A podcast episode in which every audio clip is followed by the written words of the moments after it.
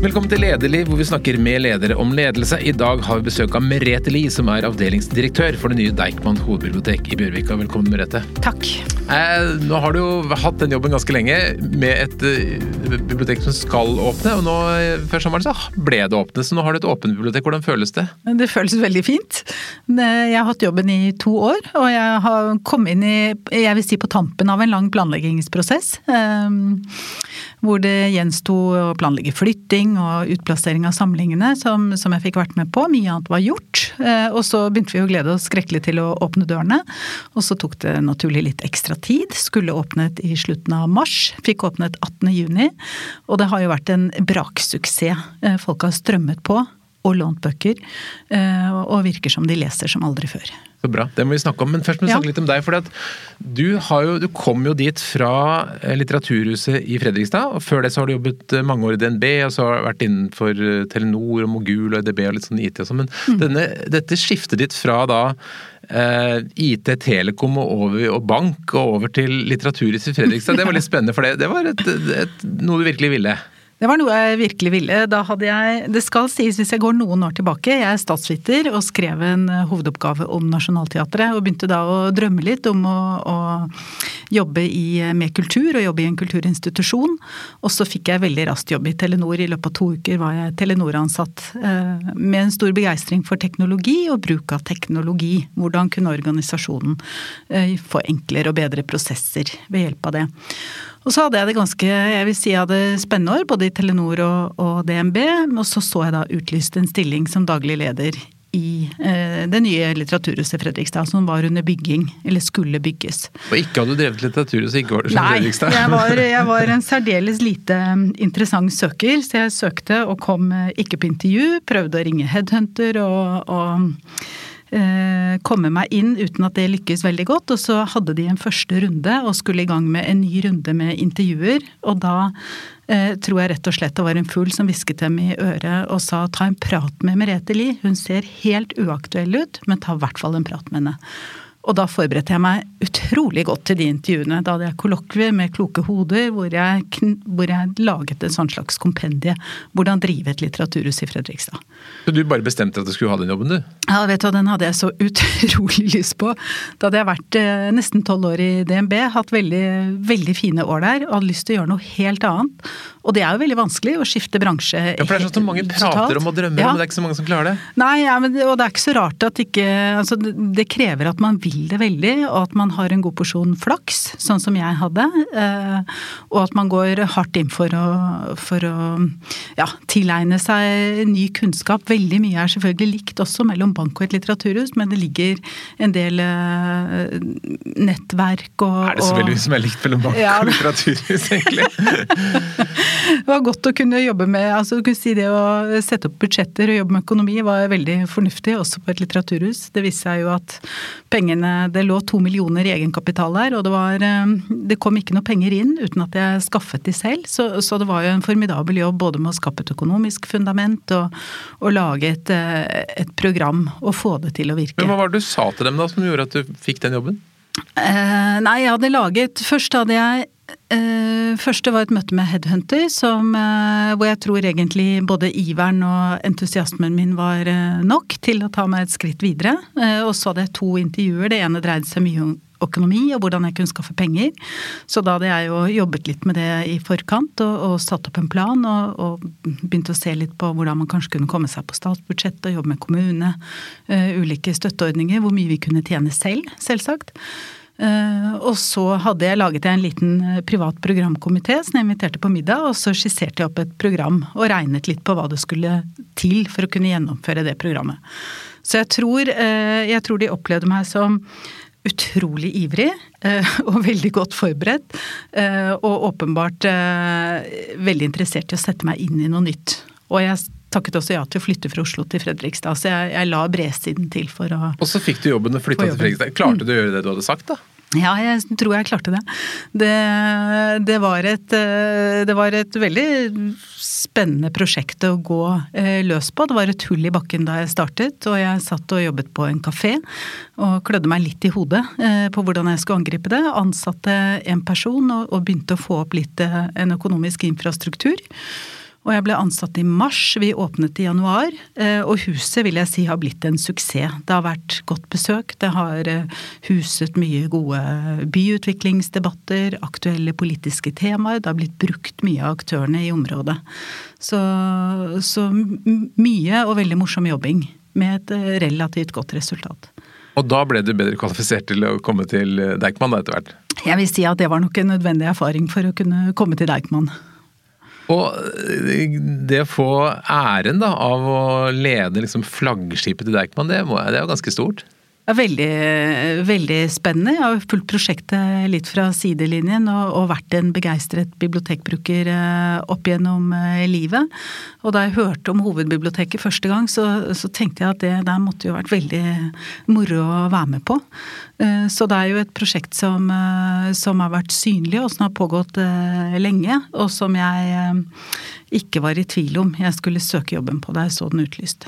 Nå er det mange som har vært der, men de fleste har ikke vært der. Kan Nei. du fortelle, beskrive det nye Deichman? Det nye Deichman er eh, stort. Det ligger eh, mellom Oslo S og Operaen, midt i smørøyet. Eh, det ser vi, folk finner lett fram til oss. Vi har store forskjellen fra det gamle biblioteket til det nye biblioteket er at samlingene står framme. Eh, Hammersborg var et vakkert lager for bøker, hvor eh, bibliotekarene eh, velvillig løp opp og ned i trapper i baklandet for å hente fram eh, skjulte skatter og, og, perler. Nå står alt framme for brukerne. Og samtidig er veldig mye av de nye tjenestene som biblioteket har jobbet med de siste 10-15-20 årene, også en del av biblioteket. Så vi har folkeverksteder, musikkstasjoner, saler for arrangement, kunstinstallasjoner. Eh, god barneavdeling, et rikt bibliotek hvor man finner eh, ja, alt fra bøker til eh, symaskiner. Ja, for det er så mye rart. Man kan, komme, man kan lære å spille gitar, man kan sy, som du sier. Altså, er, ja. det, det, er fantastisk kreativt. og VG skrev liksom 'lag podkast, lær deg instrument, se favorittfilm på kino, design mm. T-skjorte'. Alt dette kan du gjøre på Deichman, og selvfølgelig låne bøker. Men, men, hvordan har dere tenkt, altså når dere er, først er så åpne, hvor, hvor, hvordan har dere begrenset hva dere skal? Mm. Nei, altså dette, Du kan si at det du finner på hovedbiblioteket i Bjørvika det finner du gjerne også på et av lokalbibliotekene våre. Kanskje med unntak av musikkstasjon og, og podkaststudio. Vi har naturligvis mer plass øh, og mer øh, ja, Hvor stort er det mange kvadratmeter? Er det? det er 13 500 kvadratmeter for publikum. Uh, og tradisjonelt sett så har jo da veien til kunnskap gått gjennom de store samlingene i biblioteket, og så har vi utøket etter hvert og sett at både tilgang til PC-er og printere, som vi har mye av, vi har 50, 50 PC-er som publikum kan låne, printe, det er en etterspurt tjeneste. Praktisk læring, som å legge opp en bukse eller lage en bøtte eller printet en poster. De færreste har eh, tilgang til den type maskiner hjemme. Det får man nå enkelt på biblioteket. Så tanken er jo at du at veien inn til kunnskap går gjennom mer enn bøker, går også gjennom praktisk læring. Og på toppen av det hele så kan du da sitte ved broder, eller broderimaskinen på Deichman, og så har du en boksamling i ryggen. Og du får kanskje lyst til å hente ut en bok og, og lese litt. Så, så biblioteket er jo i Folkeverkstedet, hvor det er uh, fine muligheter for å lage ting, så finner man science fiction, litteratur, tegneserier etc. Så, så, det tradisjonelle gamle biblioteket og de nye tjenestene henger veldig godt i hop. Så det er ikke en erkjennelse av at bøker ikke er bra nok, så du liksom må komme med andre ting i tillegg for å trekke folk? Nei, jeg tror de som besøker det nye hovedbiblioteket eh, tvert imot tenker at uh, bøker ruler fortsatt. Så samlingene er massive. Dere hadde en fantastisk aktivitet med barn som bar bøker fra det gamle biblioteket til det nye. Har dere tatt med dere alt? Vi har ikke tatt med alt som sto på Hammersborg, vi har tatt med alt for barn. Eh, og vi har tatt med Vi har vel nesten en halv million eh, bøker og noter og filmer og CD-er som står ute.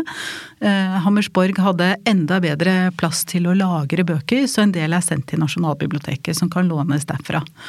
Ehm, så alt er ikke med, men, men fryktelig mye er med.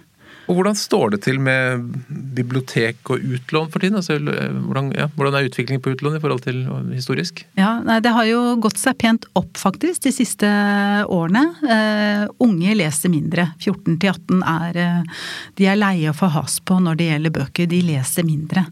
Ehm, det blir spennende å se om dette kan ha noe effekt på lesing også hos unge mennesker. Men vi ser jo i det nye biblioteket så har utlånet gått opp. Jeg ser i juli så har hver fjerde besøkende plukket med seg en bok.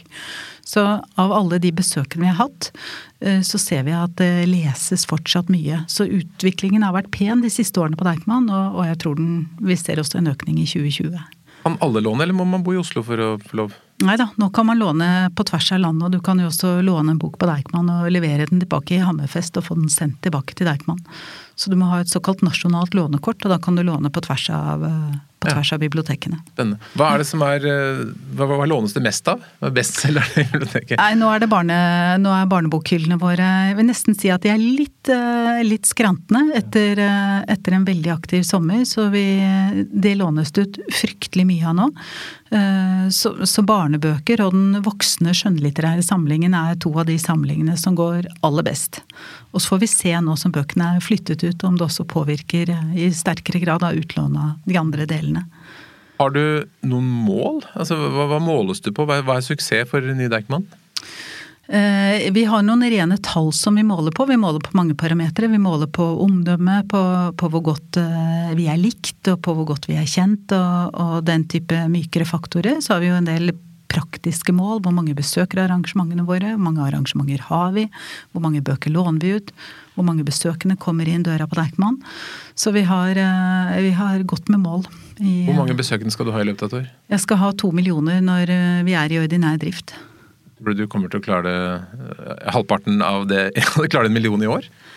Ja, det tror jeg nesten. Altså, vi åpnet 18.6, og vi har med med, med koronarestriksjoner så har vi jo Det viktigste er jo at vi er færre samtidige. Det er et bibliotek som kan ta imot 3000 besøkende samtidig. Nå har vi valgt å, å stoppe på 700 med, et, med en anbefaling på ikke mer enn 1000 inne. Og nå har vi opp mot 8000 besøkende om dagen. Og det er klart at eh, det betyr at vi, hadde vi hatt et helt kalenderår, så hadde vi antageligvis nådd to millioner første år selv med restriksjoner. Det er helt fantastisk. Det er rett og slett litt rørende å se køer utenfor et bibliotek hver eneste dag. Ja, det er gøy. Mm. Men hvor har dere hentet inspirasjon i det fra? Er det noen forbilder? Det er, det er, gjort mye på, på, bibliotekfronten eh, rundt. Det er laget store, flotte bibliotek eh, i eh, kanskje særlig Europa, som vi har brukt tid på å se på. Jobbet veldig mye med arkitekter og interiørarkitekter på programmet. Altså hvordan, hvordan sette samlinger og funksjoner og tjenester opp i huset. Eh, og så har det selvfølgelig vært et, tror jeg det er et veldig viktig kriterium at vi ligger så sentralt som vi gjør. Alle store nye bibliotek legges på sentralt på et knutepunkt, eh, og det ser vi også funker her. Bjørvika ligger eh, sentralt midt i byen, er lett å nå for alle. Det er ganske fascinerende. Tenk på at dette er sånn gammelt uh, veikeri som det var tidligere. og det var, hva området er blitt til. Men, men uh, det er jo ikke bare innholdet, men altså selve bygget er jo veldig spennende. Kan, kan du prøve å beskrive hvordan det ser ut uh, inni der? Det er bygget som eh, Publikumsområdet er bygget som et stort rom med, med tre store lysåpninger i taket kanskje kalt vinduer, lysåpninger. Eh, og de lysåpningene kan du stå i underetasjen og se. Du kan kikke opp de seks etasjene, og så ser du opp på dagslyset. Og huset er jo transparent, det er jo glass og, og frostet glass rundt. Og det betyr at du har et veldig godt lys i bygget. Du får en eh, veldig følelse av rommet. Eh, og når du ser oppover, så, så, ser du mye av konstruksjonen og tanken bak biblioteket. Annenhver etasje har en såkalt mesanin, en halvetasje, som skaper veldige høyder. Eh, så det er et bygg som Og det er tre store kjerner som går gjennom bygget, hvor funksjonen er lagt rundt faste bokhyller, møterom, lesesaler, verkstedsaktiviteter etc. Så det er et hus som er en blanding av eh, et stort åpent rom, og samtidig med veldig mye kroker og kriker. Eh, og med en stor variasjon i, i måten man har møblert og satt det opp på. Så det er ja, for det går absolutt an å gjemme seg bort i et hjørne ja, der? Ja, jeg tenker du kan finne din egen lille krok, eh, eller din egen lille studiecelle som du kan booke. Du kan sitte stort og åpent og se utover Oslofjorden eh, utover operataket. Så det, det gir et veldig veldig stor forskjell på etasjene eh, med de grepene som arkitektene gjorde. Jeg syns det er et veldig flott og spennende bygg. Du tar oss med på en reise da, fra kjelleren oppover. Hva er det som er i de ulike etasjene? Da kan man gå ned i en eh, Harry Potter-lignende kjeller, for det er jo den kjelleren som er under bakken, og som dermed er mørkere og har eh, bokhyller langs eh, hyllene. Og alle bokhyllene som står langs disse kjernekonstruksjonene eller veggene i kjelleren er sorte. Og de er stål. Sorte stålhyller med trapper trapper, ståltrapper, betonggulv. Mye bøker nede. 200 000 eh, bøker i underetasjen. Mye barnelitteratur og, og det er liksom voksen skjønnlitteratur. Altså. Fantastisk. Mm. Og med en kino eh, med plass til 70, en foredragssal, noen klasserom. Og en veldig sånn god etasje for å vandre langs hyllene og finne seg fine ting. Eh, og i første etasje så finner du jo en restaurant og et informasjonspunkt. Eh, hvis du har bestilt bøker, er det lett å gå inn og hente boka og levere den tilbake. Eh, og nyhetene finner du også nede. Tidsskrifter og magasiner. Og så beveger du deg oppover mot andre etasje, som er andre etasje er delt i to. En barneavdeling tar den ene halvparten. Skjønnlitteratur for voksne tar den andre. Så det er fortellinger for alle aldre. Tredje etasjen er voldsomt høy under taket. Åtte meter med, med disse mesaninene. Verksteder eh, i den ene delen av eh, etasjen. Og musikkinstrumenter, podkaststudioer, lyd, lydstudioer. Eh, noter. Filmstasjoner. En liten minikino som du kan låne med kamerater. Eh, bøker om musikk finner du i den etasjen. Og fjerde og femte er det vitenskap, lettere, lettere populærvitenskap i fjerde. Litt tyngre ting i femte. Lesesalsplasser, mye arbeidsplasser. Og kunstinstallasjoner jevnt eh, i hele bygget. Noe som er kuratert ut, eh, alt er kuratert fra, fra oss, og noe er hentet inn utenfra. Noe er laget selv. Ja, For det er annet en fantastisk lysinstallasjon mm. i, ved inngangspartiet? Lars Ramberg har laget et, eh, et svært eh, prosjekt, en lysinstallasjon som, som uh, gir assosiasjoner til en hjerne som henger i første etasje. Neonverk på, med neonrør på 400 meter neonrør i gult og hvitt. Veldig, veldig flott, syns jeg. Um, og Future Library, som er et annet prosjekt av uh, skotske Katie Patterson, har et lite stillerom i femte etasje som, uh, som krever nest, kanskje nesten en helt liten podkast for å få klart hva det dreier seg om. Veldig vakkert prosjekt. Um, og så er det midlertidige installasjoner uh, rundt i biblioteket. To ting som, som har truffet de besøkende veldig godt. Det er et samtidsbibliotek som, um, som uh, de som har ansvar for utstillinger på Deichman har laget, hvor det ligger 3000 blanke bøker, kan gå inn og skrive. Og der har det sittet folk og skrevet fra morgen til kveld siden vi åpnet. Uh, skrevet og tegnet. Og så har vi noen trær i fjerde etasje, drømmetrær. Og det er også hengt opp lapper om hva folk drømmer om. Alt fra å være usynlig, tjene mer penger, ha det roligere hjemme, mindre lekser, kanskje ny iPhone. Men ganske morsomt. Det henger nå eh, mange, mange hundre drømmer oppe. Som viser litt hva folk går og tenker. Alle disse fine tingene er gratis? Alt er gratis. Men kanskje ikke ubegrensa? Altså, noen ting må man booke, eller kan man bare, må, må, du bestille noe, eller kan man bare komme på alt? Eh, du, det vil lønne seg å booke. Hvis du ønsker å sitte i en studiecelle, så lønner det seg å booke den. De er populære. Um, en lesesalsplass uh, og andre ting må du være tidlig ute på. Uh, maskiner i folkeverkstedet og musikkinstrumenter må du booke.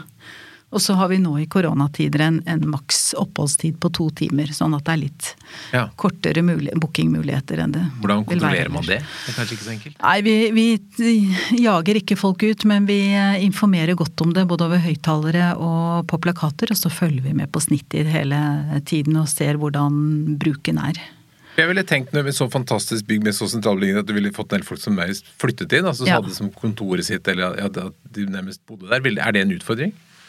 Foreløpig har det ikke vært det. Foreløpig har det vært så, så, stor gjennomtrekk. Og det er klart at nå har vi vært inne i en spesiell sommer hvor alle har feriert i Norge, reist rundt. Eh, Deichman Bjørvika har vært kanskje nesten like populært som eh, Prekestolen og, og Lofoten, ser det ut som, på besøkstallene.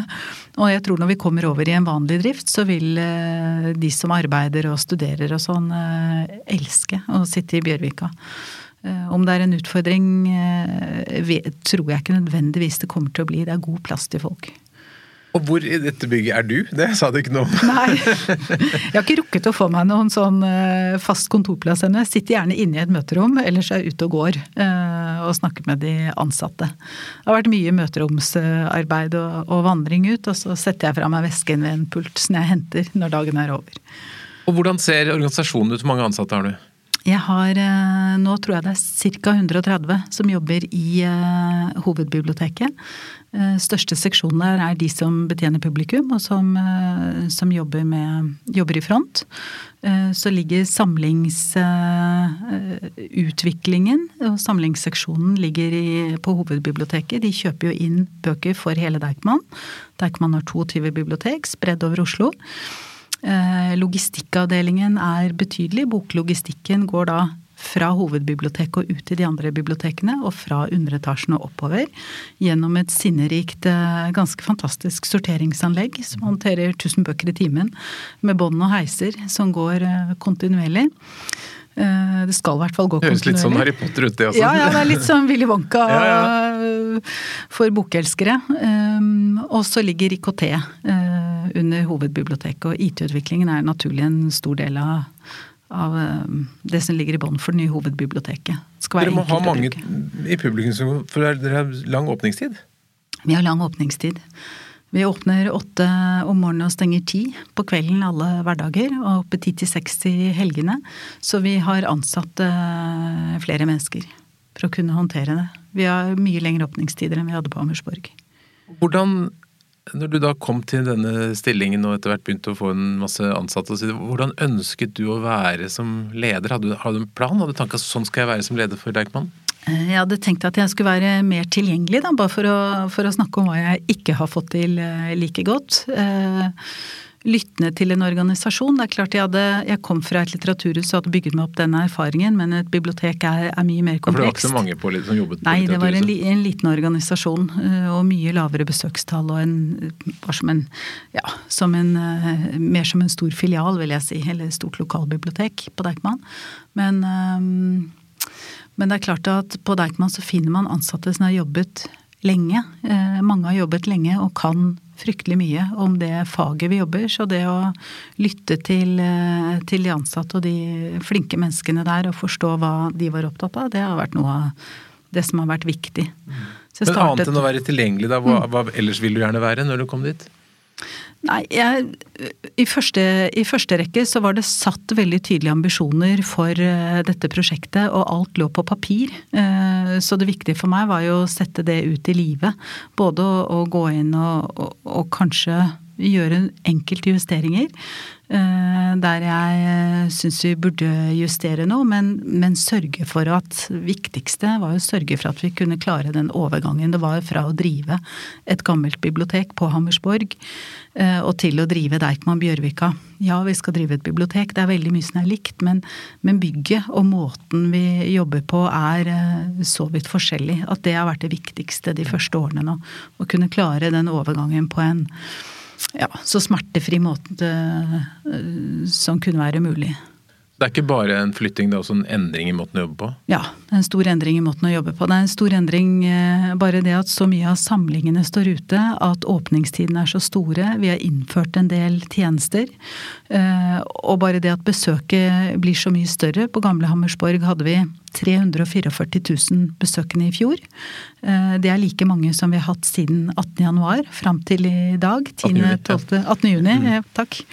Eh, I dag august. Så det er klart at hele den den store mottakelsen, nye åpningstider, en del nye tjenester, et nytt bygg, har krevet en endring i organisasjonen. Og hvordan har organisasjonen likt det, da? For dette er jo en del folk som da, som du sier, har vært der lenge, og det, mm. Mennesker er jo vanedyr. Mm. Nei, det hadde vært en organisering eh, et års tid før jeg begynte. Eh, og så var folk eh, Jeg opplevde som en motivert og god organisasjon å jobbe med. Vært noen litt tøffe tak underveis, bl.a. rundt arbeidstidsordninger. For det er klart at det å øke tilgjengeligheten så mye og jobbe på en litt annen måte, litt færre samtidige på på, ute for å betjene publikum enn på gamle Hammersborg. Det krever det at du skal jobbe kanskje en time lenger eller begynne tidligere Å få en annen type skift, påvirker jo enormt. Mm. Så det har vært noen, det har vært noen runder hvor, har, hvor det har vært flinke fagforeninger og vi har forhandlet på arbeidstider som vi ble enige om på ja, et tidspunkt eh, god tid før vi åpnet. Og så er det klart at når vi først har åpnet og, og opplever den enormt begeistrende tilbakemeldingen fra publikum, så er det veldig deilig. Og det er det jo de som eh, står i front som får hver dag. Hva gjør det med folk når de opplever dette? Jeg opplever at de blir begeistrede, er motiverte. Eh, slitne selvfølgelig, fordi det er mange mennesker. Glade og slitne, vil jeg si. Er dette også i ferd med å bli en, en ja, det, er vanskelig å si med denne sommeren, da, men tenker du at det blir en turistattraksjon også? Ja, jeg tror at det vil eh, tiltrekke seg turister eh, når vi kommer over i mer normalår. Vi har jo hatt stort besøk fra hele landet. Vi har ikke hatt så mange språk i år, vi har hatt mange dialekter. Ehm, og jeg tror at bygget er så vidt eh, flott og spesielt, og det ligger jo tett på andre bygg som besøkes av turister. Operaen og, og Munch-museet som etter hvert åpner. Så jeg vil tenke at sommermånedene kommer det til å være besøk fra hele verden. Hva håper du at hovedbiblioteket og bibliotekene generelt skal gjøre for byen? Byens befolkning? Jeg tenker Biblioteket er jo det, det, er jo et av de få stedene hvor du fortsatt kan komme og være uh, uten å måtte forklare hvorfor du er der. Uh, og du kan sitte der og jobbe, eller bla i bokhyller, aviser, tidsskrifter. Gjøre, delta på et arrangement. Um, så jeg tenker det er et sted som er lett å gå inn når du er alene. Det er et sted hvor du ikke trenger å bruke penger. Eh, og vi ser at det er med å utjevne forskjeller. Det at du ikke trenger å kjøpe en bok, men låne den. At du kan se en film i to timer uten å betale for billetten. Disse tingene tenker jeg betyr eh, mye i forhold til å utjevne forskjeller på tvers av byen.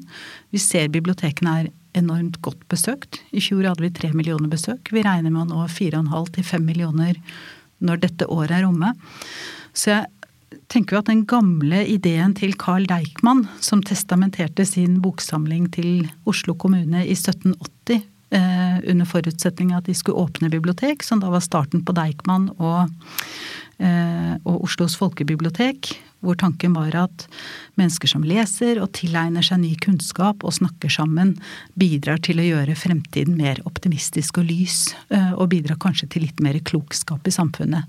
Så på det aller beste er det jo det jeg håper, at vi kan være med og sørge for god kunnskap, kanskje differensiere eh, nyheter, informasjon, brokker og biter man plukker opp, sette sammen gode undervisningsopplegg for klasser, ta opp interessante temaer i debattene våre, plukke fram litteratur som du kan lære noe av som er relevant, og som du kanskje ikke finner eh, framst i en bokhandel. Altså bruke det brede spekteret vi har til å stimulere folk til å, til å, rett og slett ha lyst til å lære litt mer. Oppleve, ja, opplever biblioteket og innholdssiden av det er jo det som eh, som jeg virkelig håper på. Men den tanken om å gjøre det tilgjengelig for folk som kanskje ikke har bøker hjemme og ikke leser så mye, og åpne inngang til kulturen, sånn er jo veldig fin, men blir det ikke fort at det er de folka som allerede er superforbrukere av kultur og har masse bokhyller, og at det, at det er de som blir superbrukerne likevel? Så klarer du å, få de, klarer du å nå ja, nye grupper? Ja. Jeg tror, klare, jeg tror, vi kan klare, det nå når vi har åpnet det nye hovedbiblioteket, så er det åpenbart et momentum. Vi har fått enormt mye oppmerksomhet. Vi har hatt store besøk. Ehm, Ca. halvparten av byens befolkning, som er det primære nedslagsfeltet til, til Oslo-bibliotekene, bruker biblioteket. Og som du sier, det, det vanskelige er jo å få de som ikke bruker kulturtilbudet allerede til å bruke oss. Så tanken er jo å hele tiden sørge for at vi har et tilbud som er godt og aktuelt, og at vi klarer eh, å jobbe med å nå de gruppene som ikke allerede bruker kulturtilbudet. Det er ikke vanskelig å få en som, som allerede går på forfattermøter og på arrangement, til også å komme på et arrangement på Deichman. Men det er de som sitter hjemme og kanskje ikke leser, eller kanskje ikke har oppsøkt et bibliotek, som virkelig vil være tilfredsstillende å nå, da. Det er det vanskeligste. Eh, men det er også det som er Vi samarbeider med, med, mange aktører på alt fra leksehjelp til språkkafeer. Eh, vi jobber jo med Vi har besøk av alle barnehagene i Oslo, vi har besøk av alle tredjeklassene. Eh, så, så det er jo det å bruke en del av de punktene vi har, og sørge for at vi eh, prøver å fortelle godt om det vi gjør, og sørge for at de som kanskje ikke allerede vet om biblioteket, får brukt det. På Tøyen startet man jo et eget eh, bibliotek bare for barn, for de mellom 10 og 15. Fordi man så at eh, der var det et særlig behov. Har vært kjempevellykket. Og det er klart at der gjør det mer enn å leses. Det lages litt mat, det leses, de får hjelp med lekser. Forskjellige ting skjer, men et, et veldig godt eksempel på at du klarer å nå ut til til grupper som kanskje ikke ellers ville brukt biblioteket. Jeg tror vi kan klare det, mye av det samme med hovedbiblioteket. Men du har da denne gjengen på godt over 100 ansatte som kommer og går på ulike tider. Hvordan, hvordan har du jobbet for å liksom skape et fellesskap og en felles kultur i den gruppen? Ja, er, er jo, de er jo en av, av, flere seksjoner hos meg. Så de har jo én leder og sine fagansvarlige. Og vi har jo jobbet med Vi har jobbet helt konkret med organisasjonsutviklingsprogram. Vi har gjort mange ting. Vi har hatt allmøter. Eh, begynte tidlig da jeg startet på Deichman for et par år siden. Hadde vi første Eh, første allmøte rundt det nye hovedbiblioteket, en god gjennomgang av hvordan bygget skulle være. Vi har fortsatt hyppig med allmøter. Da vi kom inn i Bjørvika var vi nede på ukentlige møter, eh, hvor alle sammen møttes. Da hadde vi jo en situasjon hvor vi faktisk hadde et stort bibliotek uten publikum, og hadde god mulighet for å jobbe sammen på tvers. Eh, og så har vi brukt mye tid på opplæringsprogram. Eh, rent sånn både praktisk og, og ja, jobbet med, med, tanke på at nå skal vi betjene helt nye typer lånere. Vi får, vi får antageligvis nye typer lånere inn, andre typer spørsmål, et mye større trykk. Så vi har jobbet med organisasjonen på disse punktene. Og forsøkt å forberede oss til den virkeligheten som starter. Hva er det folk spør mest om? Foreløpig så, så, er det mm, utover bøker og hvordan man blir låner, er det heldigvis fryktelig mange som spør om. Så tenker jeg det første året vil gå veldig mye med til å forklare hvor i bygget man finner de forskjellige funksjonene. Alt fra toalett og hvor kan man spise, kan man spise, hvordan booker jeg den studiecellen. Så det er uh, mye praktisk. I tillegg til, uh, til spørsmål om hvor man finner bøker og bruker tjenestene. Men det som overrasker meg litt, er at dere har faktisk leid ut en del av bygget som kontor. Det var jo litt, litt uventet. Mm. Hvorfor måtte dere gjøre det? Eh, det var et, eh, altså Byggeprosjektet ble dyrere enn forventet. Så i 2015, da byggearbeidet var i gang, og man så at grunnforholdene var mer komplekse og, og vanskelige enn man eh, først hadde forutsett, så var det åpenbart at budsjettet ville bli høyere enn først antatt. Og da var det en diskusjon i Eh, kommunen, vi er jo eid av Oslo kommune, om man skulle stanse prosjektet eller om det skulle fortsette. Og der ble det lagt et inntjeningskrav på biblioteket. Så det betyr at vi både leier ut til arrangører, og det betyr også at vi har fast utleie. Restauranten er jo et eksempel på det. Eh, og så har vi noen kontorlokaler i femte etasje og noen lokaler i første etasje som, som leies ut. Er jo, du er faktisk blitt litt eiendomsaktør òg, altså? Ja. Spennende. Ja. Eh, hvordan tror du at dette kommer til å liksom endre de andre bibliotekene? Tror du at det blir sånn dere blir noe, noe en slags eh, sånn første rekka for at det kommer til å skje mer ute i de andre avdelingene også i Deichman? Det har nesten vært omvendt på Deichman. Det har skjedd veldig mye på lokalbibliotekene de siste fem-ti årene. Og så har hovedbiblioteket sittet på tegnebrettet og planlagt eh, det bygget som som Atelier Oslo og Lund Hagem tegnet. Så alle de store lokalbibliotekene på Deichman, eller de aller fleste, er rustet opp. Eh, med stor vekt på at det skal være hyggelige steder å besøke. Man har etablert dette mer åpne konseptet, hvor du kan komme inn med et lånekort før de ansatte kommer på jobb, og etter de har gått hjem, som gjør at bibliotekene, lokalbibliotekene oppe fra sju til elleve. Minus nå i koronaperioden. Eh, så veldig mye av den nyvinningen, bibliotøyen som jeg nevnte i sted, for barn, har skjedd på de store lokalbibliotekene. Og kapasiteten der er sprengt. Resultatet har vært et enormt besøk. Eh, og eh, så hovedbiblioteket er, eh, kommer litt etter, rett og slett, lokalbibliotekene. Og tar opp i seg veldig mye av det som har skjedd der allerede. Og så gjenstår det fortsatt en utvikling av lokalbibliotekene. De skal utvikles videre, og det er nye bibliotek som skal opp, og som skal rustes opp. Men veldig mye har skjedd i den aksen lokalbibliotek først, og så hovedbiblioteket. Det tror jeg bra. Du begynner å nærme seg ti år, nesten åtte år siden, siden du begynte da på Litteraturhuset i Fredrikstad. Hvordan har du utviklet deg som leder underveis? Er du en annen leder nå enn du var da du startet i Fredrikstad? Det er et godt spørsmål. Um, ja, det krever nok en jeg tror for så vidt at jeg som person, og det jeg er opptatt av som leder, forsøker å, å, være relativt tett på uten å gå inn og detaljstyre.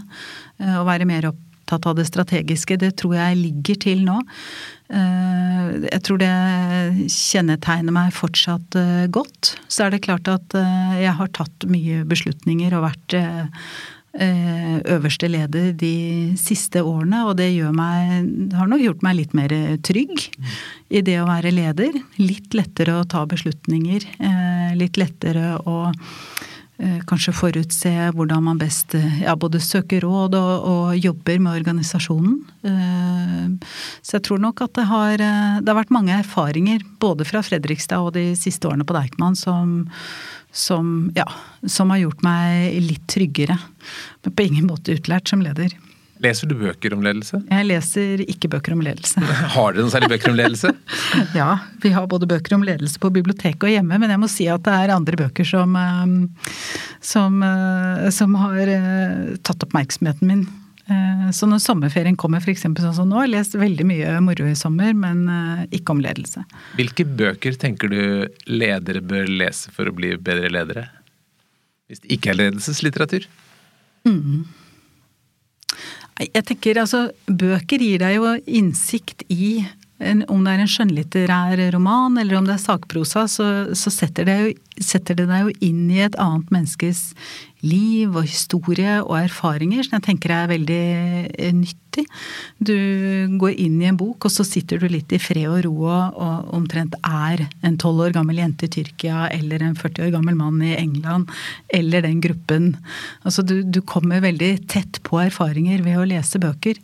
Så generelt det å lese litt variert eh, tror jeg er det beste å gjøre som leder. Ikke nødvendigvis stivne i én sjanger, men å bevege seg litt bredt og hente ulike inntrykk. Det er jo skrevet veldig mye godt.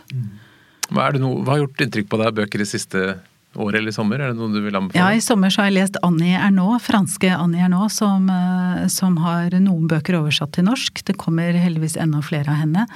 Blant annet en bok som heter 'Sommeren 58', eh, som er helt vidunderlig. Hvor hun ser tilbake på på en tid hvor hun var leirleder i 58. Fransk eh, jente. Vokste opp relativt eh, strengt. Og møter en litt sånn det er en frisk sommerleirerfaring. Eh, hun har også skrevet en bok som heter 'Hendelsen', som, om en graviditet i 63 og jakten, etter, jakten på illegal abort.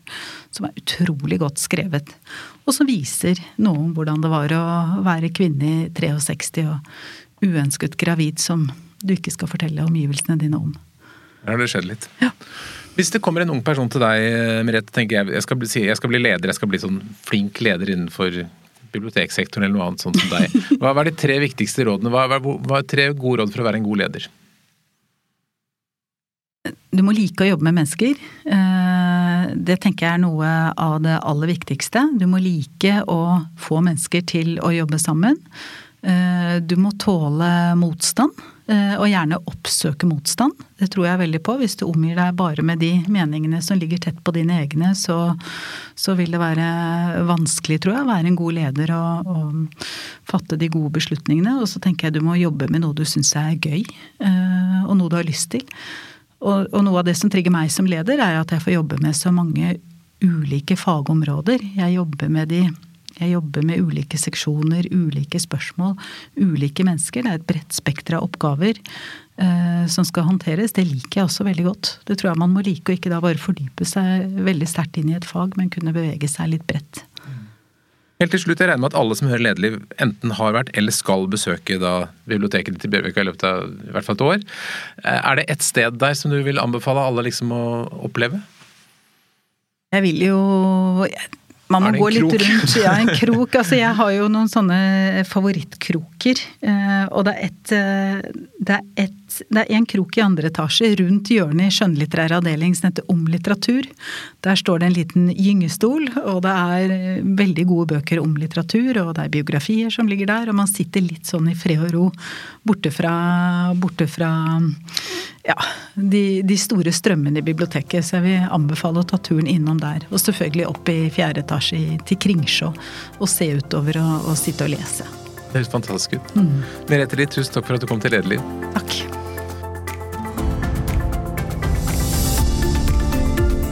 Lederliv vær en podkast fra Apeland. Redaksjonen består av Ellen Paulsen, Lars Jarlemelium, Lars Volden og meg, som heter Ole Kristian Apeland. Hvis du vil høre mer, så trykk abonner. Da får du varsel når det kommer nye episoder. Og hvis du har noen tips, så send en e-post til tips.gledelig eller til meg, ole at apeland.no. Takk for at du lytter.